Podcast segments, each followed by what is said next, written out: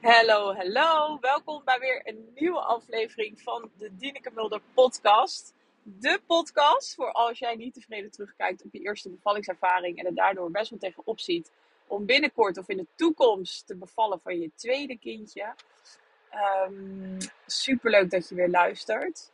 Dit is weer een aflevering vanuit de auto. Dus ik hoop dat, uh, dat de geluidskwaliteit uh, goed is. Ik heb mijn oortjes in. Dus let's see. Ik moet ook wat vaker gewoon even mijn afleveringen terugluisteren. Om te horen of, um, hoe de kwaliteit is eigenlijk. Uh, dus dat ga ik doen. Promise to myself. Uh, ik zit dus in de auto. Want ik ben onderweg naar een, um, een klant vandaag voor mijn andere bedrijf. Voor mijn recruitment bedrijf. Uh, dus daar ga ik de hele dag zijn. En ik dacht, ik heb... Um, ik heb weer een inzicht wat ik met je wil delen. Um, wat wellicht heel waardevol uh, kan zijn. Want daar zat ik eens over na te denken, gisteren en vandaag. En uh, ik heb ook net, voordat ik deze podcast op, uh, of, aanzette, een voiceberichtje naar een vriendin gestuurd. Um, om eens even te vragen van, hoe kijk jij hier nou naar? Dat vind ik altijd wel fijn, want alhoewel ik zelf heel veel coach binnen mijn praktijk, vind ik het soms, uh, of nou, vind ik het regelmatig, dus steeds lastig om dan bepaalde dingen bij mezelf te zien. Het is toch makkelijker, denk ik, om, uh, om bepaalde dingen bij anderen te spotten dan, uh, dan bij jezelf. Dus daarom vind ik het altijd heel fijn om nog even, um, of heel fijn om soms even input te krijgen van een vriendin bijvoorbeeld. Um, dus dat. En gisteren, het is vandaag dus maandagochtend, heel vroeg, is 8 uur. Nee, bijna 8 uur. En um, we hebben gisteren Daniel zijn verjaardag gevierd. Uh, want die is dus 1 november 4 geworden. En gisteren hebben we het gevierd. S ochtends kwamen mijn ouders langs, gewoon bij ons thuis. En smiddags hebben we het gevierd met vrienden um, en familie. De rest van de familie van mijn familie en Patrick's familie. Um, en vrienden van ons, mijn vriendinnen en uh, ook zijn vrienden, plus uh, kinderen. Heel veel, heel veel hebben inmiddels kindjes. Uh, in een pannenkoekenrestaurant. Dus dat was echt heel gezellig. Heel leuk. Ik ben ook heel blij dat we het zo gedaan hebben. Want de jaren daarvoor hebben we het bij ons thuis ehm, gevierd. Maar wij hebben gewoon niet een super groot huis. Gewoon een normale eensgezinswoning. Maar niet een hele grote woonkamer. Dus het was dan altijd propvol.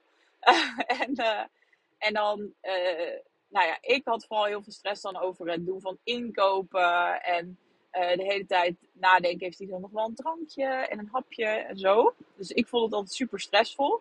Dus toen heb ik vorig jaar tegen Patrick gezegd: Oké, volgend jaar gaan we het heel anders doen. En gaan we het gewoon op een locatie vieren. Ik ben er klaar mee.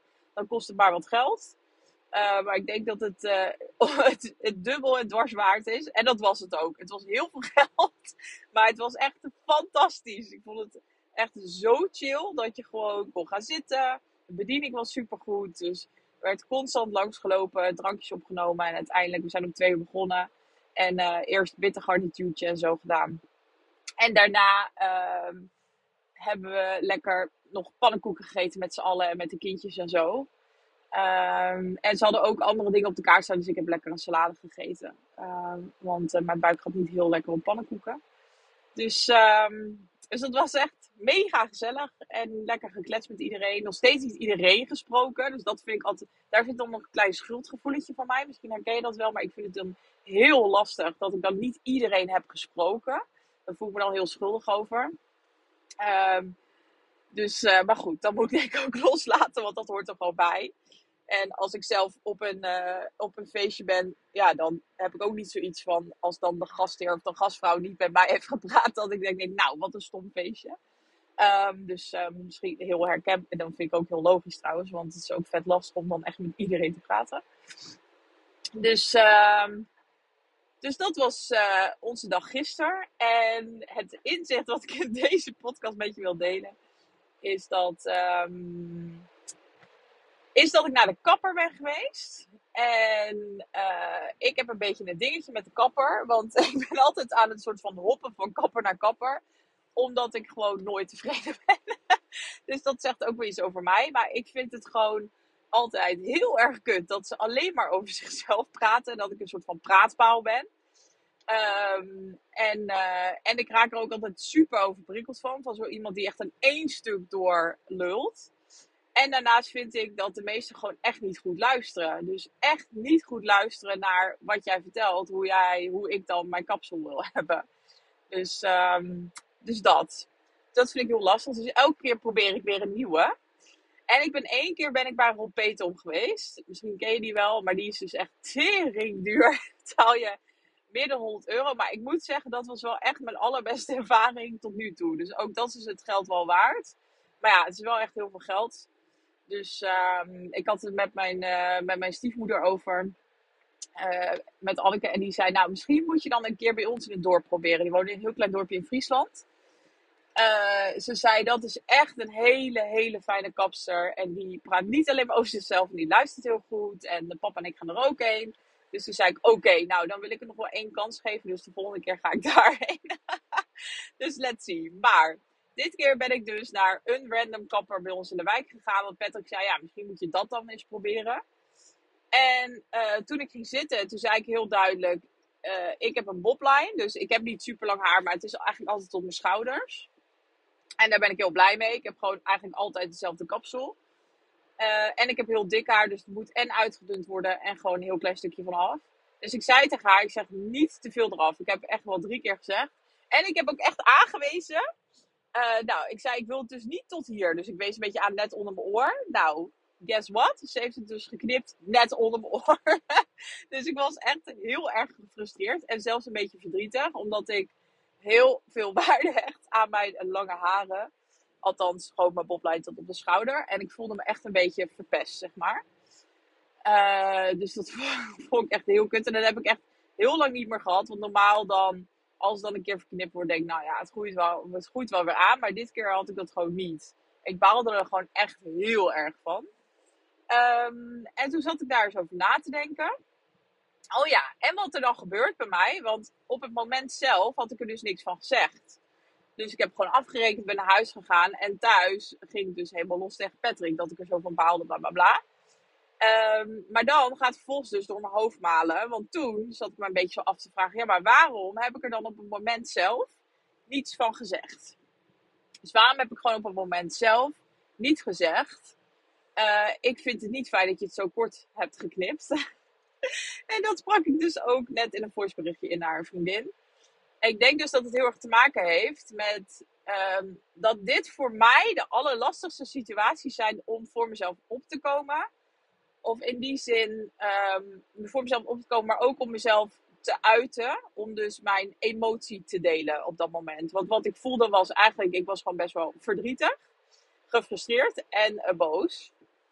Maar ik uit dat dan niet. Ik blijf eigenlijk een soort van in mijn rol, als een soort van pleaser en uh, uh, haar, haar levensverhaal te laten vertellen. Dat zegt natuurlijk ook iets over mij. Hè? Kijk, ik kan wel, ik kan wel zeggen, alle kappers, um, alle kappers praten alleen maar over zichzelf. Maar het zegt ook iets over mij. Dat is best wel confronterend, maar het is wel zo. Het zegt ook iets over mij dat blijkbaar ik dus niet uitstraal van.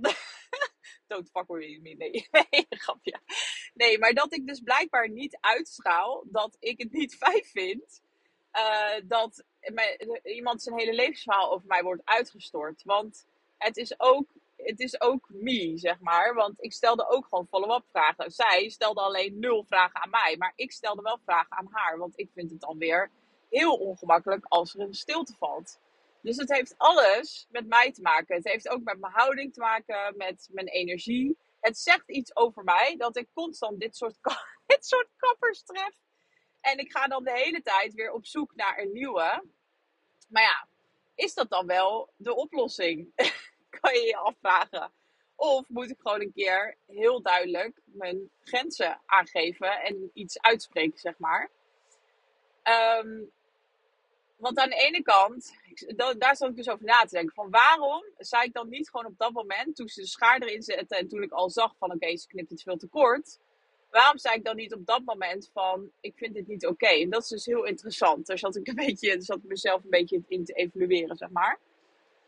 En ik denk dat dat komt omdat, één, omdat je dan in een situatie zit waarin je bijna aan iemand bent overgeleverd. Je bent een soort van door iemand gegijzeld, zo voelt het een beetje. Want zij staat letterlijk, ik zit in die kappenstoel. Zij, zij staat letterlijk boven mij met die scharen in haar handen. Nou, misschien voel je al een beetje waar ik naartoe wil. Maar ik zei letterlijk net tegen een, uh, een vriendin van mij, dus in dat voiceberichtje, ik zei, ja, dit is gewoon mijn bevalling. Dit lijkt gewoon echt op mijn bevalling. Gewoon het gevoel dat je dus aan iemand overgeleverd bent. Een soort van gegijzeld bent bijna. En dat je dus ook afhankelijk bent van diegene. En in dit geval is het dan een kapper. Maar misschien, ja, als je terugdenkt aan je eigen bevalling, kan je misschien ook wel voorstellen. Je bent super kwetsbaar. Je hebt gewoon pijn van je weeën. Maar ook het idee dat je dan, vooral als je in het ziekenhuis bent bevallen, dat je dan op je rug in dat bed ligt. Je kan bijna niet bewegen als je aan allerlei monitoren en zo lag. En dan de schaar, ja, die staat denk ik een beetje symbool voor de knip. Die ik niet heb gekregen, thank god. Maar uh, nou ja, bij mij was dat dat er dus iemand met een vacuümpomp denk kwam aanlopen. Dus alhoewel de kapper um, niet te vergelijken is misschien met een gynaecoloog of een klinisch verloskundige in het ziekenhuis, is dat het misschien ook weer wel. Want het is een beetje systemisch dezelfde, dezelfde vibe. Um, dus ik, op het moment dat ik zag dat zij dus die uh, mijn haar al aan het verneuken was. oh, ik moet trouwens heel even kijken waar ik heen moet. Even nadenken hoor. Nee, ik moet hier even. Ik moet niet hierheen.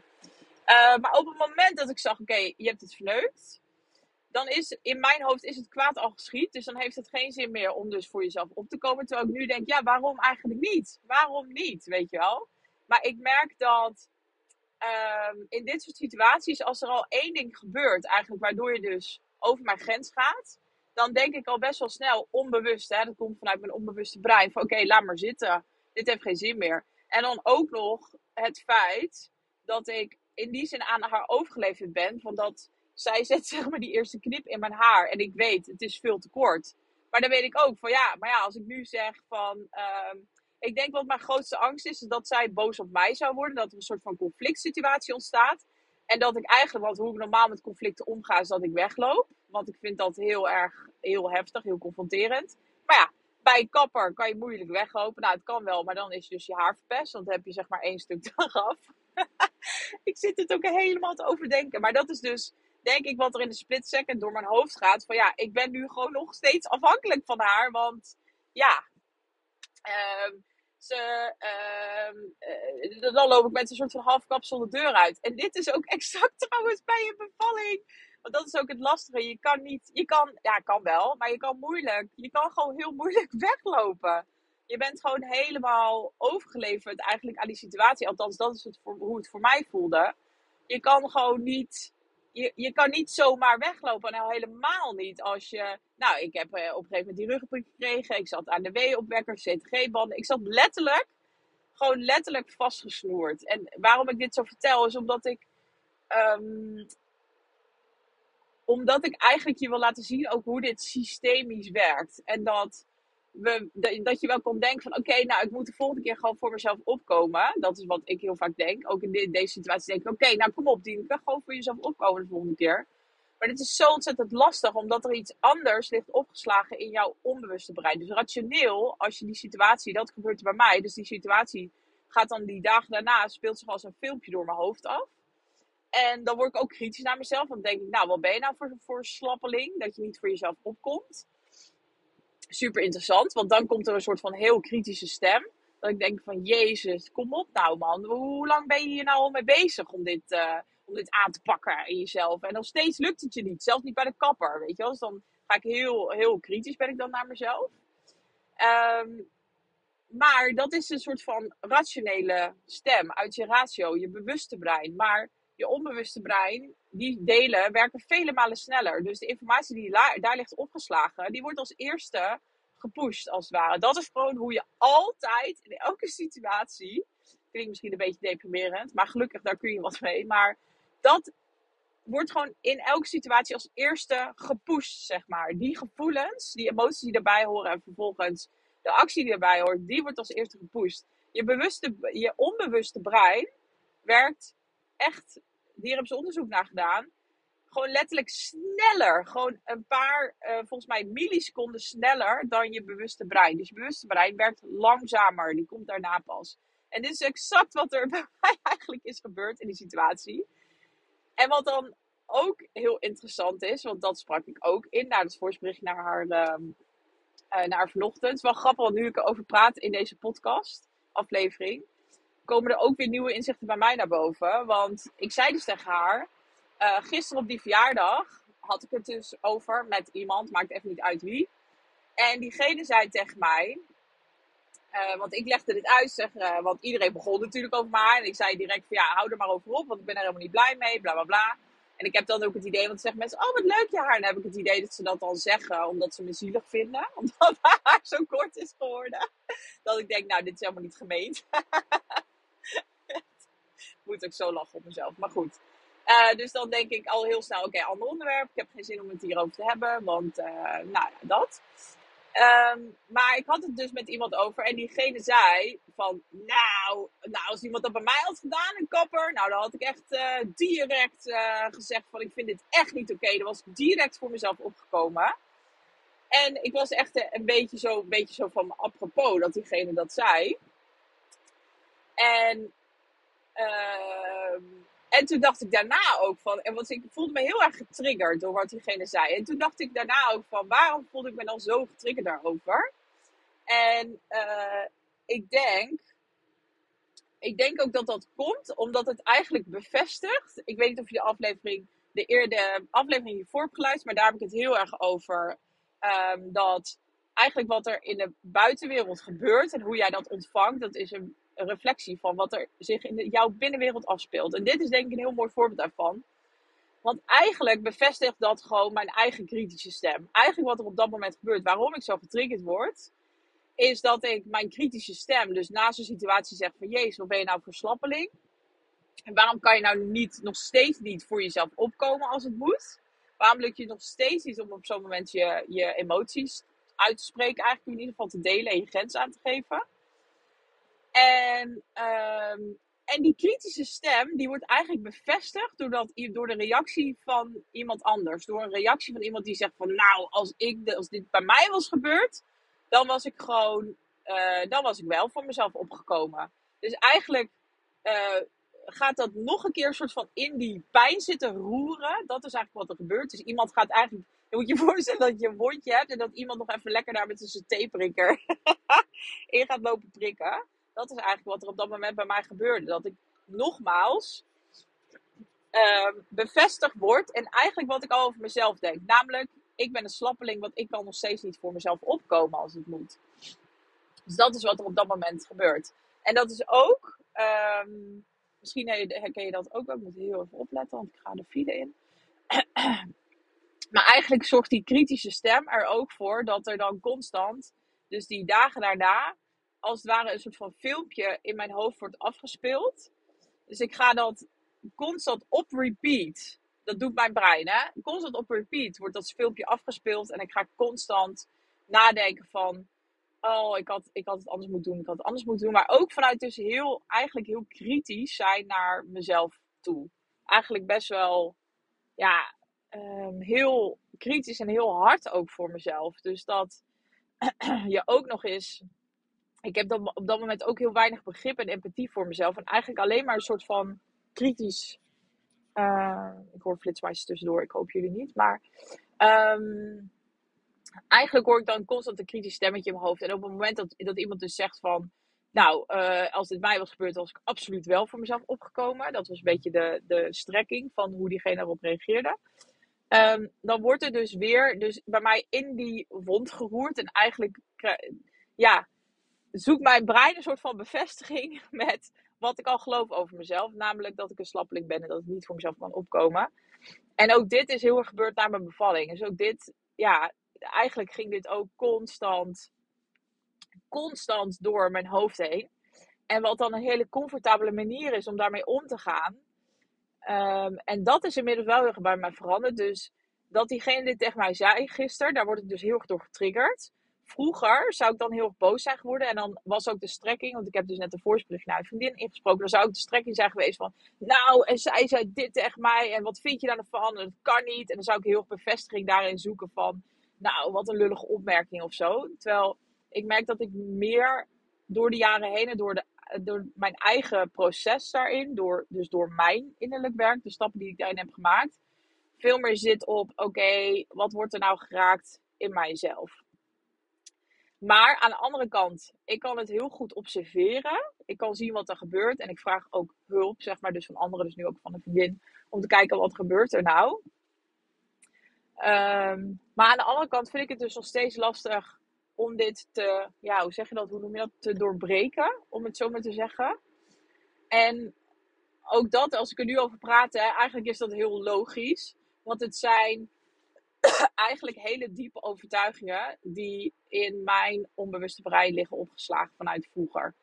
Dus wat er op zo'n moment gebeurt, in, het, zeg maar, in de situatie waarin ik mij compleet afhankelijk voel van een ander, waarin ik me eigenlijk een beetje gegijzeld voel, dus wat er ook in mijn bevalling gebeurde, ik schiet dan mijn copingstrategie, ik schiet in mijn oude copingstrategie, die mij heel erg gediend heeft als kind, namelijk pleasen. Dus zorgen dat de ander niet boos op mij wordt. En in mijn geval heeft dat dan vooral met mijn, uh, met mijn echte moeder te maken, met mijn biologische moeder.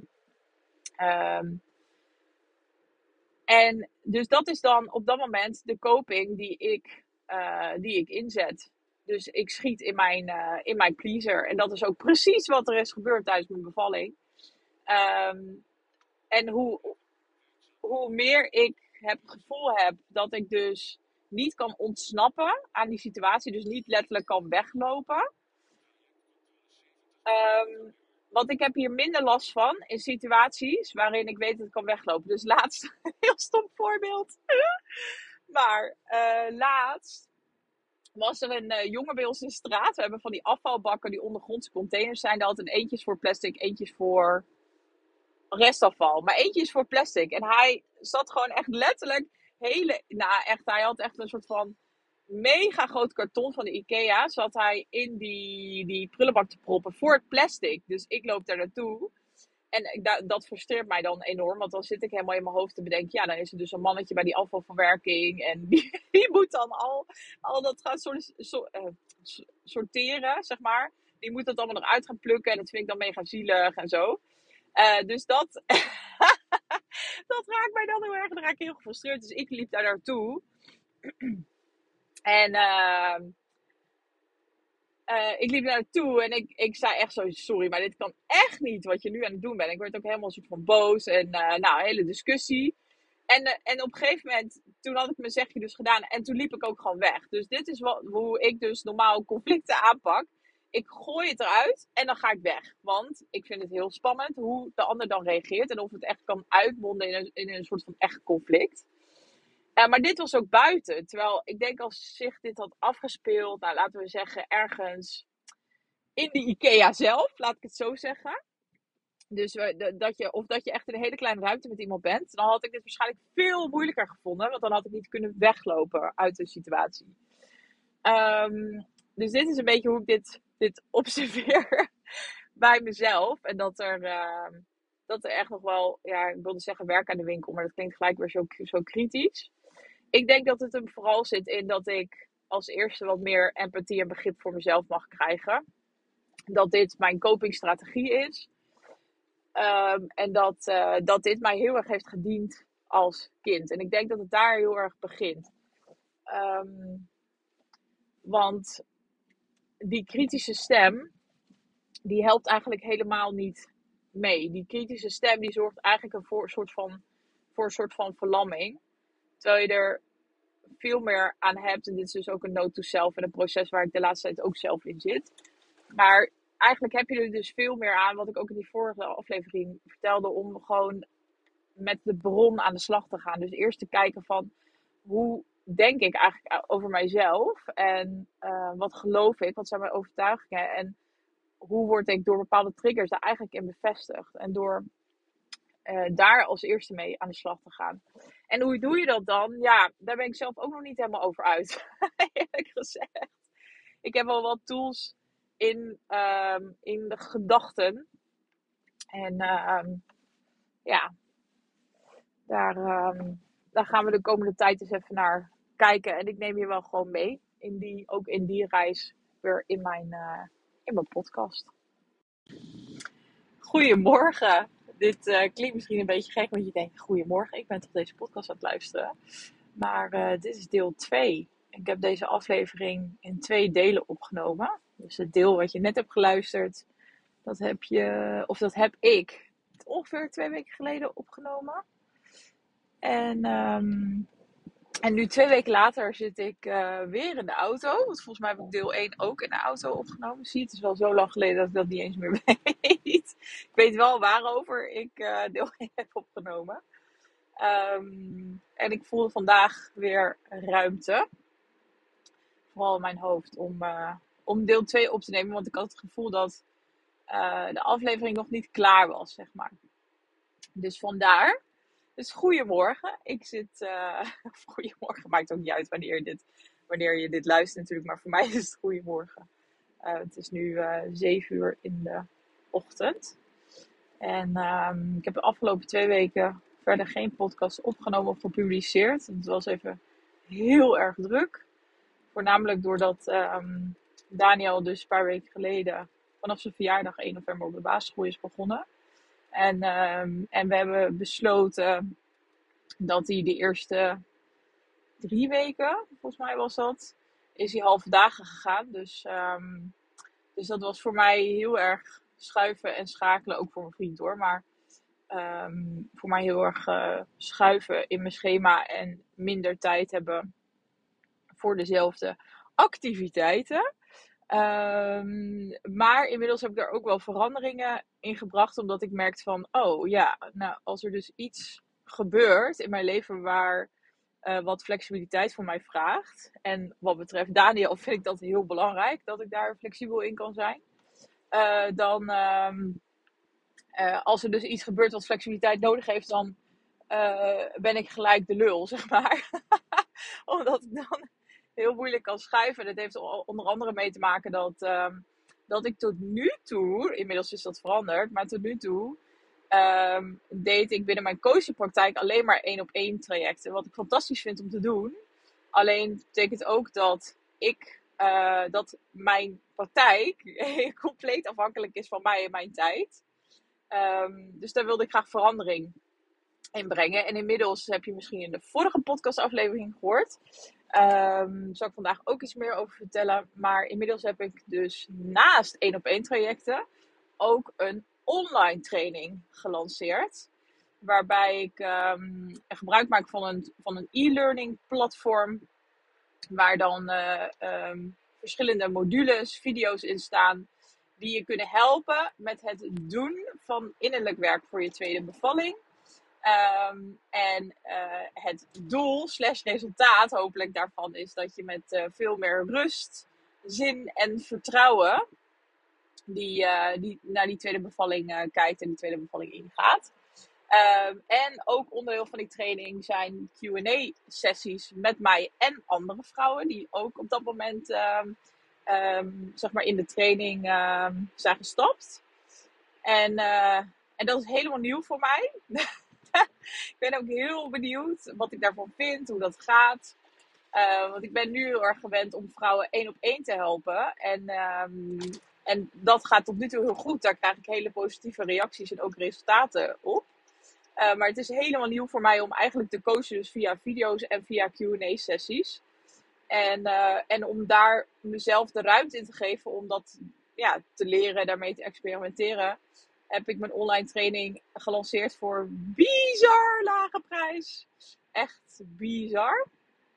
Echt bizar. Onder de 100 euro. Um, dus echt, ik zat ook te denken. Ik denk dat één QA-sessie is al het dubbele waard, zeg maar, bij wijze van spreken. Um, dus het is echt bizar. En uh, ik ga wel iets omhoog, maar de komende tijd zal het nog wel laag blijven, omdat ik dat gewoon heel fijn vind. Om daardoor dus niet uh, ja, druk te voelen. Dus dat is er gebeurd en daar ben ik wel heel blij mee. Dus ik blijf nog steeds ook één op één vrouwen begeleiden. Um, maar daar zit wel een max aan. Dus op een gegeven moment had ik zes uh, trajecten tegelijk lopen. En um, dat wil ik niet meer.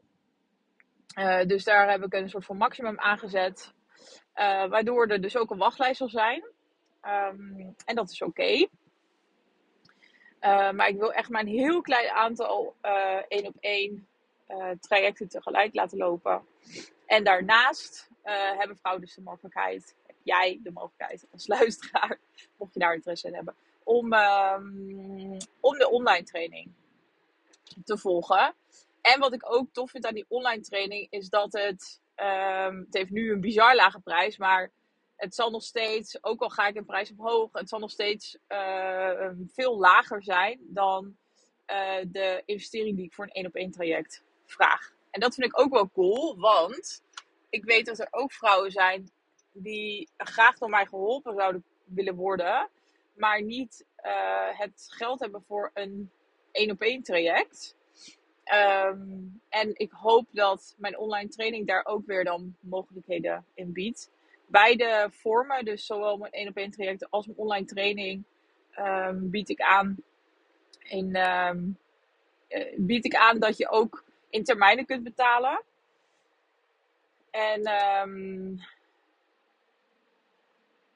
ja, en dat vind ik, ik zit even te denken, want heel veel mensen zeggen namelijk tegen me dat dat, uh, dat dat best wel veel gezeik kan opleveren.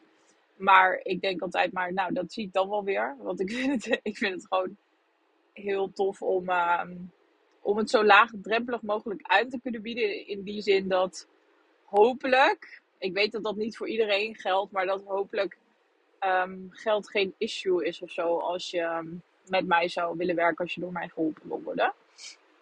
En dus dat je zelfs in termijnen zou kunnen betalen. Um, dus dat, dat is er de afgelopen weken gebeurd.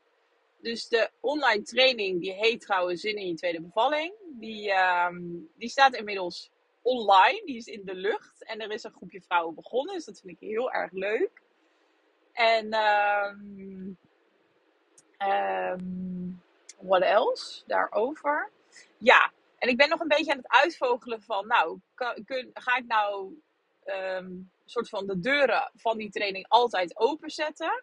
Hoe ik het nu in mijn hoofd heb, is dat je gewoon elke maandag, dat elke maandag een moment is dat je met die training kan starten, zeg maar. En vanaf dat moment um, krijg je dan acht weken begeleiding van mij in de vorm van QA's. En wat er nu ook in zit, ik weet niet of ik dat in de toekomst ook nog ga aanbieden, maar op dit moment, als je deze podcast luistert, um, het is nu november 2023. Um, ehm, dan zit er ook nog uh, onbeperkt WhatsApp support met mij in. Dus het is best wel, um, best wel uitgebreid nog.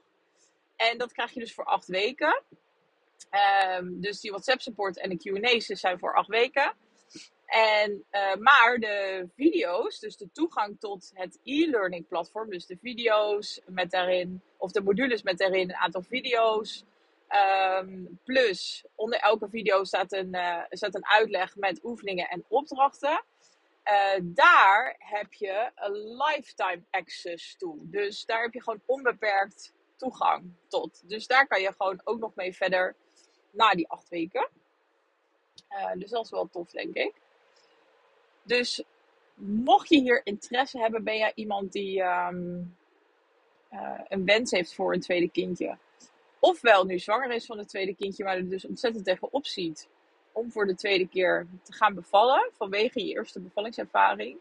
wil je graag gewoon weer uh, ja, met rust en vertrouwen uitkijken naar je tweede bevalling en um, leren hoe je um, ja, wel heel erg dat gevoel van regie kan hebben tijdens bevalling, hoe je je in control kan voelen.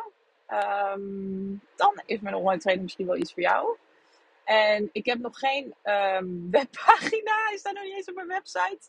Maar mocht je interesse hebben en dus, um, ja, mocht je interesse hebben, dan uh, mag je me even een DM sturen. Dus dan mag je een berichtje sturen, ofwel gewoon heel kort even met het woord training. Of je stuurt me gewoon even een, een berichtje, maar niet zoveel uit uh, hoe je dat doet. Dus via Instagram. In de show notes staat mijn, mijn Instagram account. Dus dan mag je me een berichtje sturen.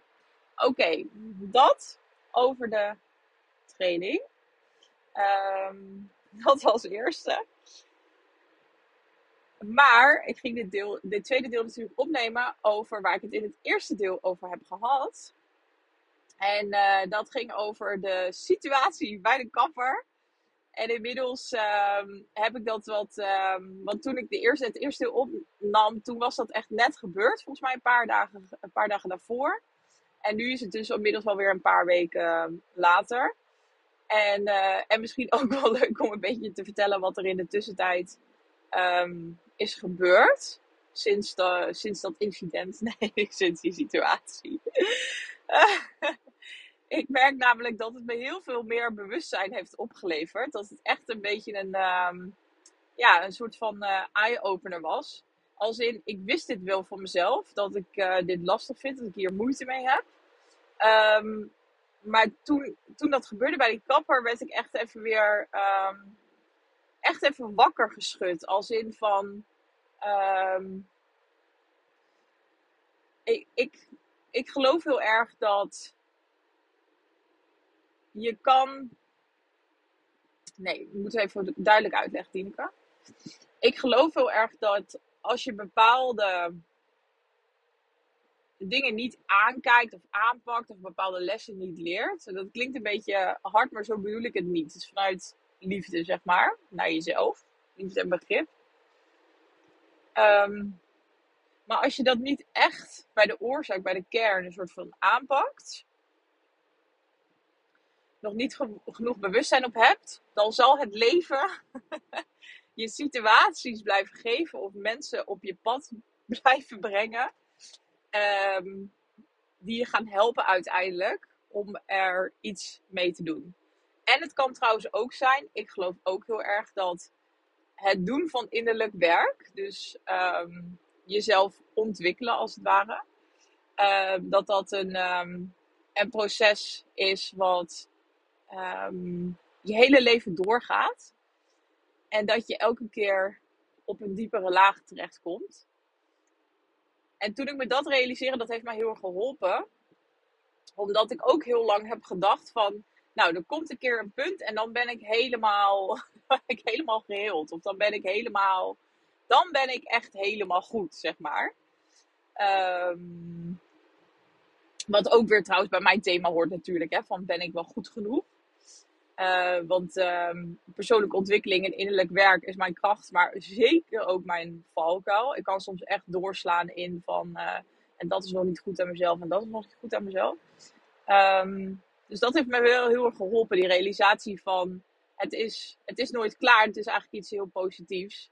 En uh, er, komt, er komt niet een punt waarop je zeg maar dan weer helemaal perfect bent of zo. Um, je komt gewoon elke keer op een soort van, uh, van diepere laag terecht. Elke keer loop je weer tegen iets nieuws aan in jezelf. Of gebeurt er iets in je leven waardoor er iets naar boven komt. Um, dus dat. Maar ik geloof dus ook dat er bepaalde thema's zijn in je leven. En uh, dat je wel een soort van veranderingen kan aanbrengen.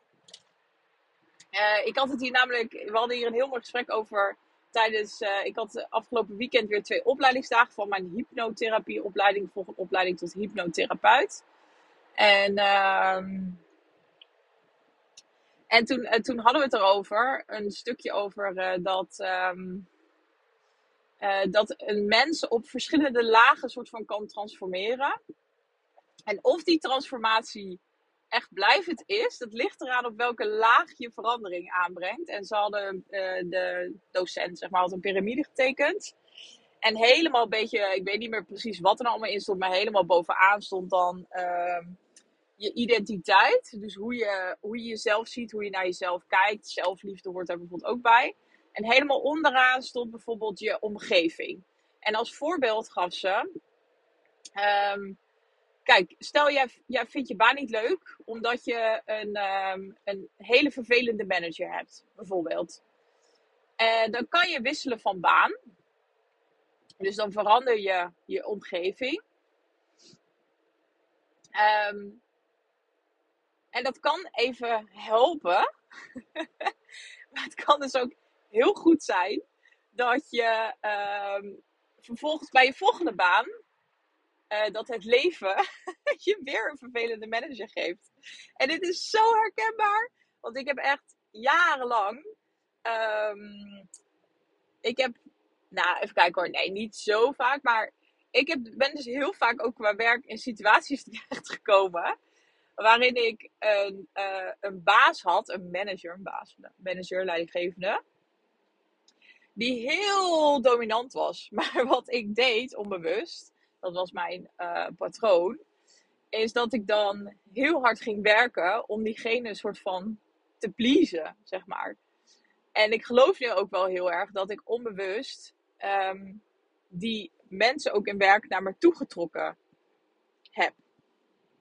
Omdat dat voor mij comfortabel was, zeg maar. Om eigenlijk voor iemand te werken die extreem kritisch en dominant was. En, um, en ik ging dan heel erg pleasen en laten zien van... Kijk, ik doe het wel goed genoeg. Um, dus dat is een beetje met die piramide. Het ligt heel erg aan op welke laag je dingen verandert. Maar eigenlijk gaat is een transformatie in die zin, is een verandering alleen maar blijvend als je echt op, ja, ze noemen dat op identiteitsniveau verandert. Dus dat gaat over hoe je naar jezelf kijkt. Um, die is heel interessant. En bijvoorbeeld in mijn geval, um, hoe ik destijds naar mezelf keek, was eigenlijk heel erg negatief. Als in, um, als jij dus iemand die heel dominant en heel kritisch is, in mijn geval um, daar een soort van niet mijn grenzen eraan gaf, maar juist nog harder ging werken en nog harder ging pleasen. Ja, dat zegt wel iets over hoeveel ik van mezelf hield, zeg maar. En hoe ik naar mezelf keek. Um, dat, ja, dat was denk ik de waarde die ik mezelf toekende, laat ik het zo zeggen, die was nogal laag. en, die, uh, en dat is door de jaren heen gelukkig veranderd door onder andere mijn bevallingservaring, maar ook al het uh, werk, zeg maar, wat ik daarop heb gedaan. Maar je kan dus wel een soort van een andere baan kiezen. En dat deed ik dan ook.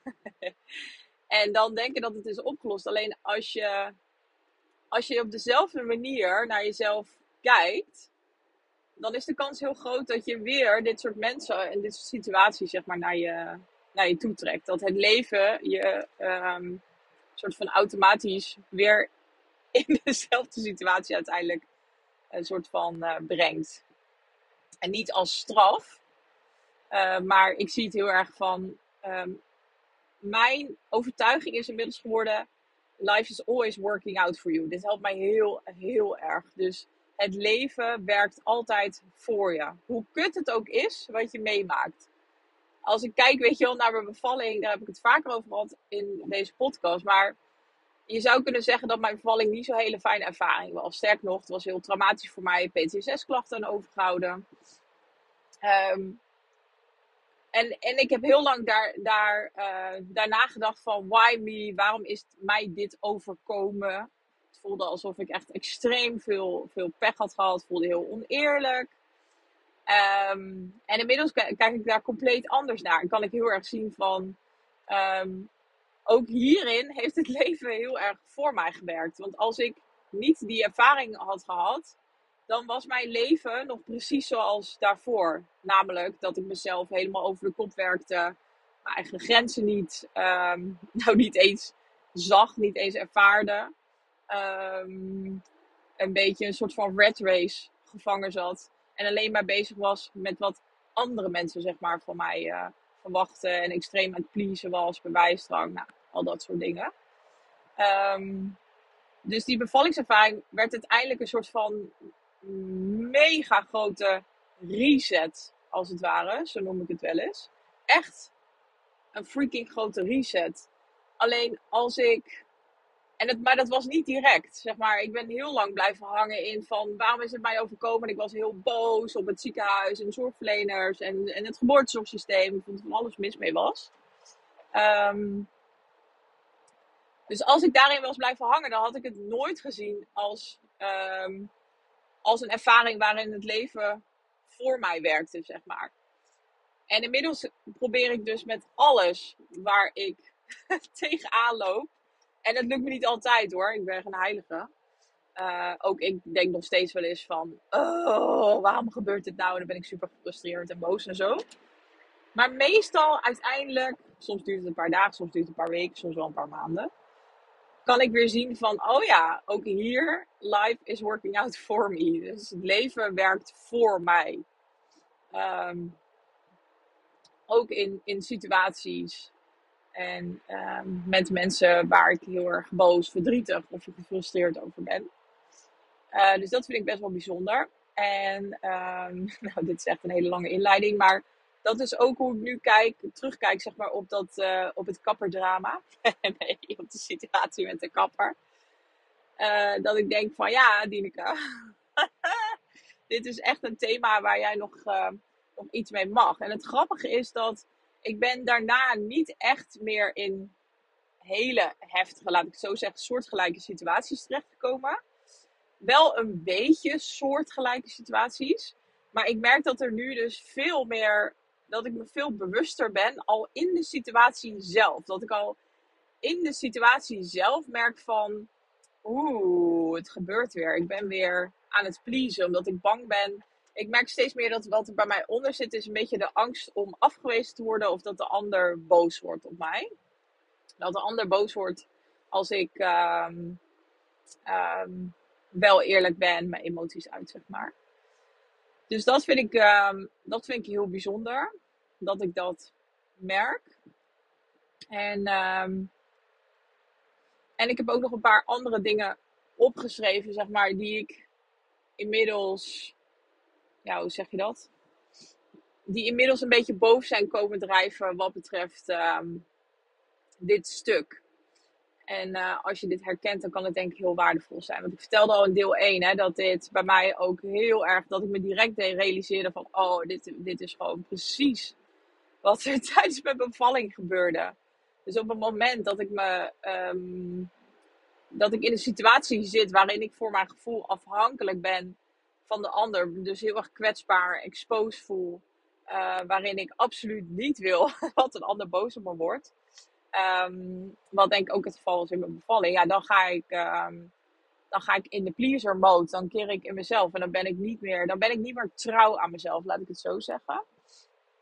En um, enerzijds merk ik dus dat ik er veel meer bewustzijn op heb. Ik moet even om mijn snelheid denken, want ik zou rijden met trajectcontrole. Maar enerzijds merk ik dus dat ik er meer bewustzijn op heb gekregen. Dat vind ik altijd het interessante aan uh, innerlijk werk. Dus inzicht te krijgen, um, Um, dus eigenlijk bewustzijn krijgen op stukken en bepaalde um, ja, overlevingsstrategieën, patronen, overtuigingen.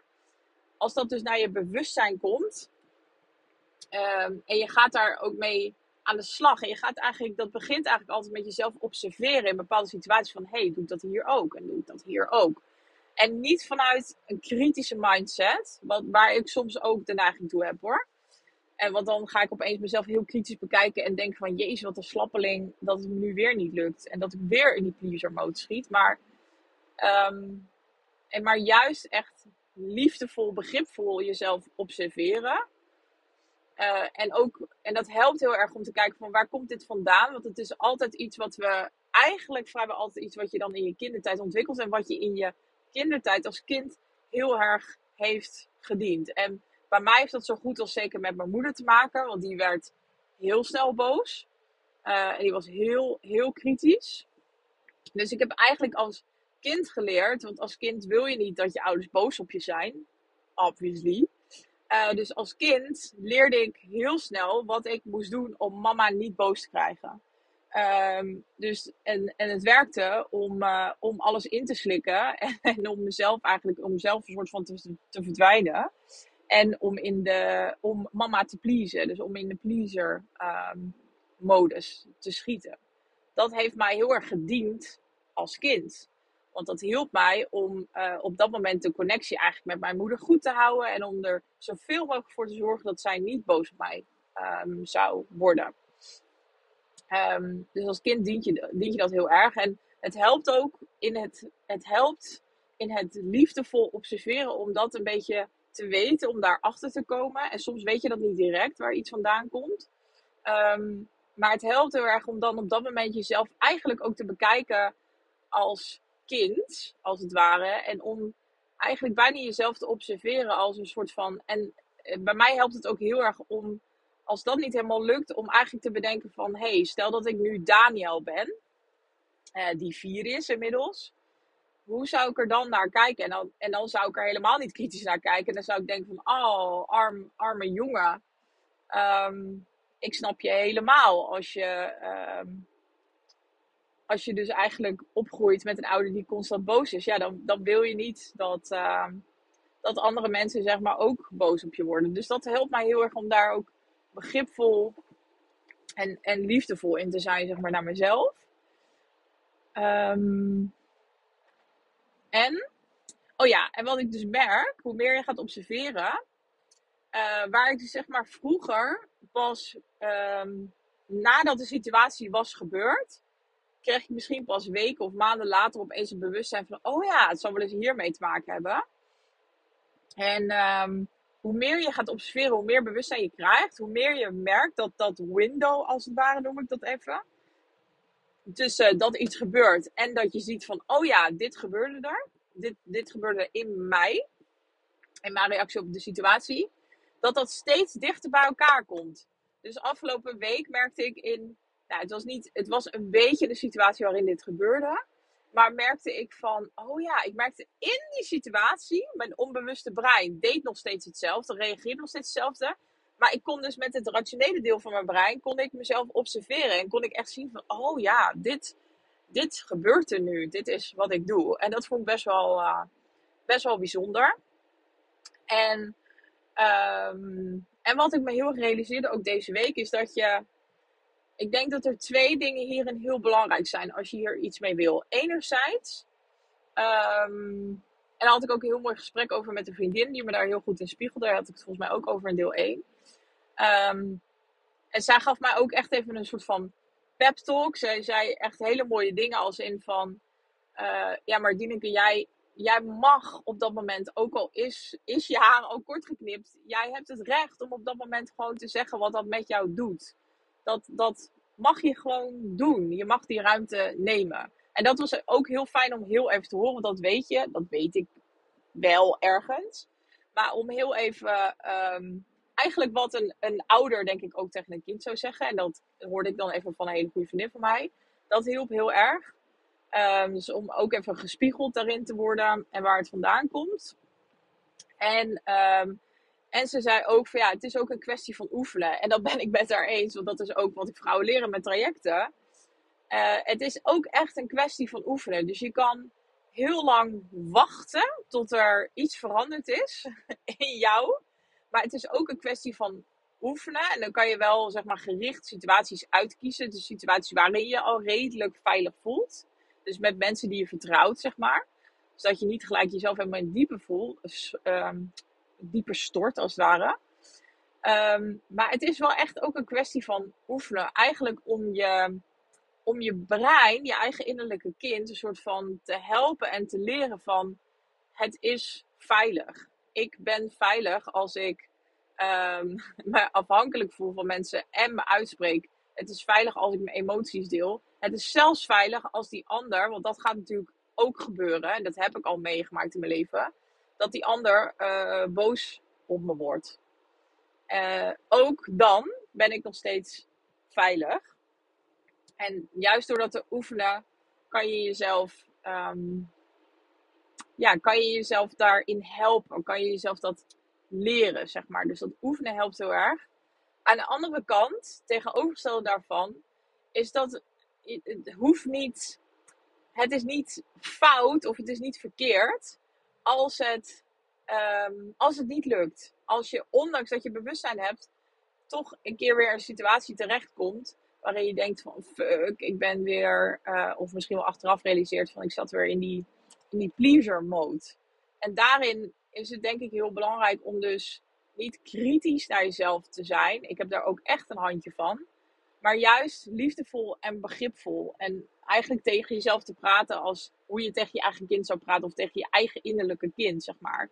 daarin ben je ook niet kritisch. Daarin zeg je ook niet van, nou jezus, wat een, wat een slappeling ben jij, zeg, dat het nu weer niet is gelukt. Dat zeg je niet tegen je kind. Dus waarom, waarom wel tegen jezelf? Hm? Dat probeer ik me altijd maar te bedenken. Dus daarin ook liefdevol en begripvol te zijn dat het is vallen en opstaan. Dus wel te blijven oefenen, maar dat de ene keer zal je merken van, oh yes, het lukte. En de andere keer zul je merken van, ik, ik zat weer helemaal in dat onbewuste patroon. Ik zat weer helemaal op die automatische piloot. En dat is gewoon oké. Dus daar mag je ook gewoon liefdevol en begripvol in zijn, zeg maar, naar jezelf toe. Dus die is, ehm, die is denk ik heel belangrijk. En ik had nog wat andere dingen opgeschreven.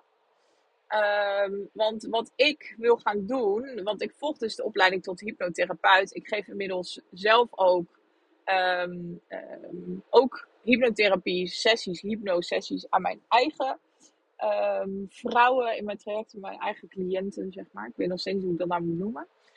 maar mijn eigen dames. En, en in die opleidingsdagen zijn we ook heel veel sessies aan elkaar aan het geven. Dus dan zit ik met andere cursisten die ook die opleiding volgen. Um, en ik zit eigenlijk te denken, want dan mag je dus ook zelf uh, dus problemen als het ware inbrengen. Dus dingen die je graag wil transformeren. En ik zit dus ook heel erg op dit thema te denken van ja, misschien wil ik dit ook wel gaan inbrengen. Alleen denk ik dat ik het niet ga inbrengen in echt zo'n oefensessie, maar dat ik naar een, uh, een hypnotherapeut gewoon in Haarlem uh, wil. Um, want dit zijn echt van die dingen die je dus ook heel goed kunt inbrengen voor uh, in een hypnotherapie sessie. Want wat er, daar heb ik nog niet heel veel over gedeeld uh, volgens mij. Maar wat je in hypnotherapie doet, is dat je, hypnotherapie doet, is dat je eigenlijk je, uh, je kritische brein, dus dat is het rationele deel van je brein, die ga je omzeilen. En je komt dan terecht in je onbewuste. Dat heet je selectieve brein. Um, en daar ga je een soort van nieuwe suggesties in stoppen. En dat kan met verschillende uh, technieken. En met de suggestie bedoel ik dan, wat nu, het programma wat nu in mijn onbewuste brein draait, is: um, Mama mag niet boos worden. Dus ik moet, um, uh, ik moet verdwijnen, ik moet pleasen, ik mag mezelf niet uiten. En uh, in, nu in mijn volwassen leven is mama dus ongeveer elke andere figuur waarin ik, waarvan ik denk afhankelijk te zijn. Um, en met hypnotherapie kan je dus met, um, dat kan met dus verschillende technieken, maar kan je dus met een bepaalde techniek, die de therapeut dan op dat moment kiest, uh, kan je dus eigenlijk nieuwe suggesties geven aan, uh, aan je onbewuste brein, waardoor dat programmaatje als het ware een reset krijgt, waardoor dat programmaatje als het ware veranderd wordt. Um, dus daar ga ik zelf, denk ik, iets mee doen de komende tijd als ik dat gedaan heb, dan, um, dan zal ik wel weer over vertellen in een aflevering hoe, de, hoe me dat, um, dat heeft geholpen. En even kijken wat ik nog meer had opgeschreven. Oh, ik moet heel even een stukje opschuiven. De snelweg. Het is heel lekker weer eindelijk. Geen regen meer. Even kijken hoor. Hmm. Oh ja, wat ik ook nog had opgeschreven. Als we gaan oefenen, dat hoeft niet alleen maar met dit thema te zijn, maar met alles wat je graag in jezelf wilt transformeren. Als je dan vervolgens gaat oefenen, dus het kan zijn met jezelf uitspreken, met je emoties uiten, uh, ruimte innemen, al dat soort thema's. Dan, dan, dan denken we, of wat er dan ook bij mij gebeurt, is dat ik denk van, oh ja, maar ik moet dan, um, ja, ik mag dan niet te uh, soort van boos of gefrustreerd overkomen.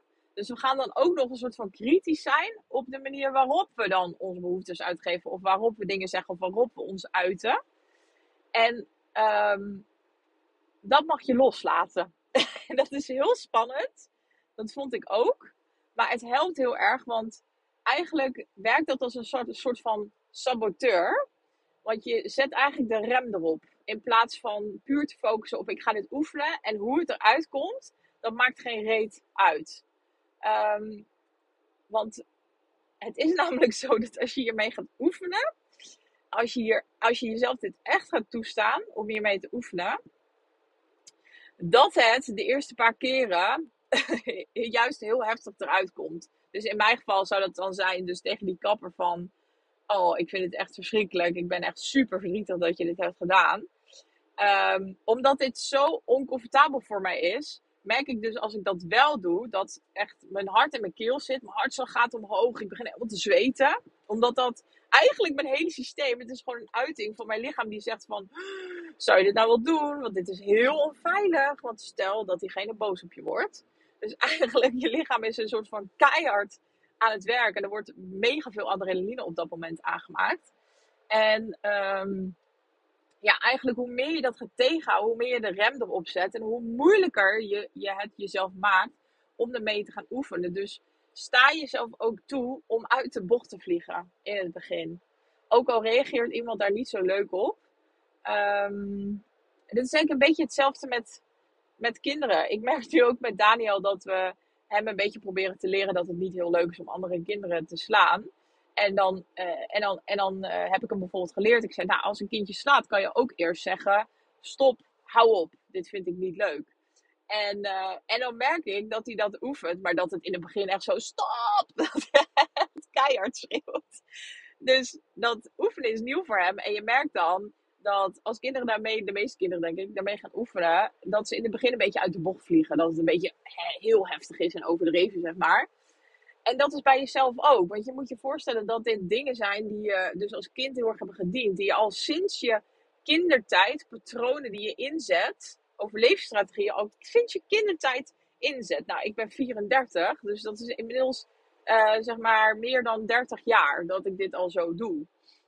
Dus als je daar in het begin mee gaat oefenen, dan vlieg je gewoon uit de bocht. Hoe dan ook. Dus sta jezelf dat ook toe om uit de bocht te vliegen. Ook al zeggen mensen dat nou, is wel heel heftig hoe je reageert. Dat is oké. Laat ze maar lekker, laat ze maar lekker dat zeggen. Jij weet, ik ben aan het oefenen. En wees dan ook heel erg trots op jezelf. Um, dat, het is, dat het is gelukt. Als het een keer lukt, en soms lukt het niet, is ook oké. Maar als het een keer is gelukt, wees gewoon heel, heel, heel erg trots op jezelf. En spreek dat bij wijze van spreken ook naar jezelf uit dat je het heel goed hebt gedaan. Ook al kwam het er misschien, um, ook al kwam het er misschien heel heftig uit. Het is oké om in het begin um, uit de bocht te vliegen. Dat hoort erbij. dus die wilde, ik, uh, die wilde ik ook met je delen. Even kijken hoor, wat ik nog meer. Ik ga inmiddels door een tunnel heen. Uh, ja.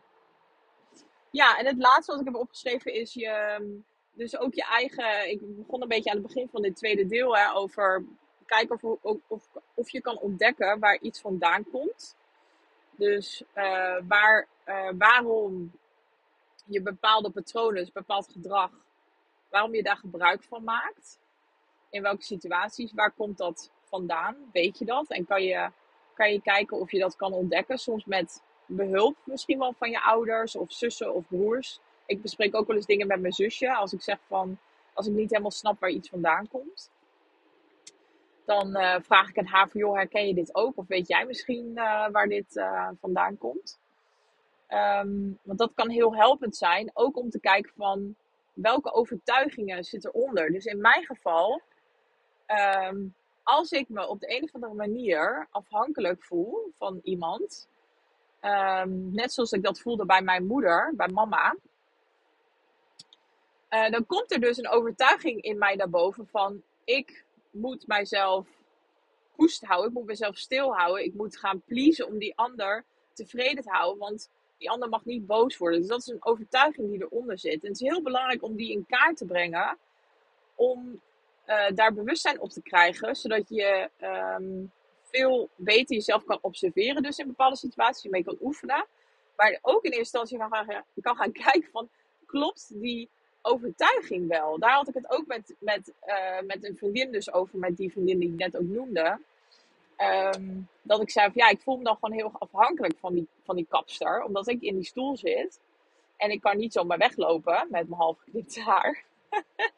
en toen zei ze van, ze zei ja maar die overtuiging die klopt niet. Want dat zit in je hoofd. In theorie had je gewoon kunnen weglopen. Ja, dan was het even kut geweest. Want dan uh, loop je met half, half afgeknipt haar naar buiten. Maar het had wel gekund, weet je. Je bent niet een soort van gevangene.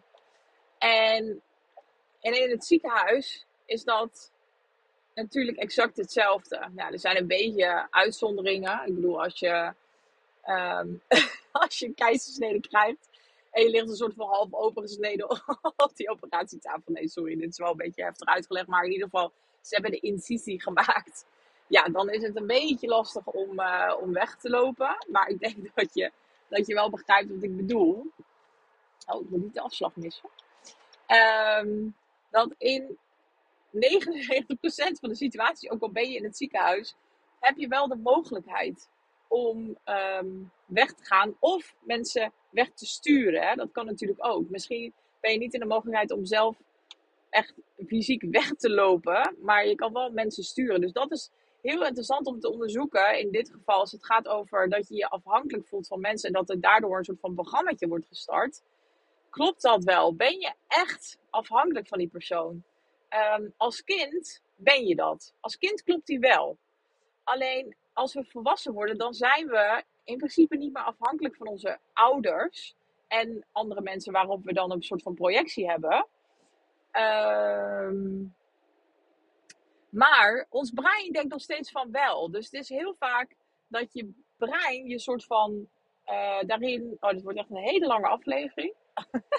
maar je brein houdt je daar eigenlijk in gevangen als het ware. Terwijl in realiteit is dat niet echt zo. Dus, um, dus die wil ik je ook nog meegeven. Dus kijk welke overtuiging eronder zit. En, en klopt die eigenlijk wel, weet je wel? Ga ook die overtuiging onderzoeken en, en bevragen. Of dat eigenlijk wel klopt. Dus die wil ik als laatste meegeven. Alright. Um, dan ga ik ermee afsluiten. Als jij uh, trouwens mijn podcast met heel veel plezier luistert. Ze graag luistert, er iets aan hebt gehad, er iets aan hebt, of misschien wel een andere dames, vrouwen hebt doorgestuurd, zou je dan alsjeblieft een review willen geven? Want uh, dat helpt met, om de podcast te laten groeien, om weer nieuwe vrouwen te bereiken. Um, en het is echt één seconde werk. Dus je hoeft alleen maar de sterretjes aan te klikken. Je hoeft niks in te vullen. Geen e-mailadres achter te laten. Het is echt alleen maar de sterretjes aan te klikken. In Spotify is dat op de, een beetje de homepagina zeg maar, van mijn podcast. En bij Apple Podcast is volgens mij moet je dan op de homepagina helemaal naar beneden scrollen, dacht ik. Um, dus heb je dat nog niet gedaan? Doe het gewoon nu. dus ga er nu naartoe in je telefoon. En, um, en klik even een aantal sterretjes aan wat uh, jij vindt, zeg maar, dat mijn podcast waard is. Um, want dat helpt om, uh, om te groeien. Alright, heel erg bedankt voor het luisteren en uh,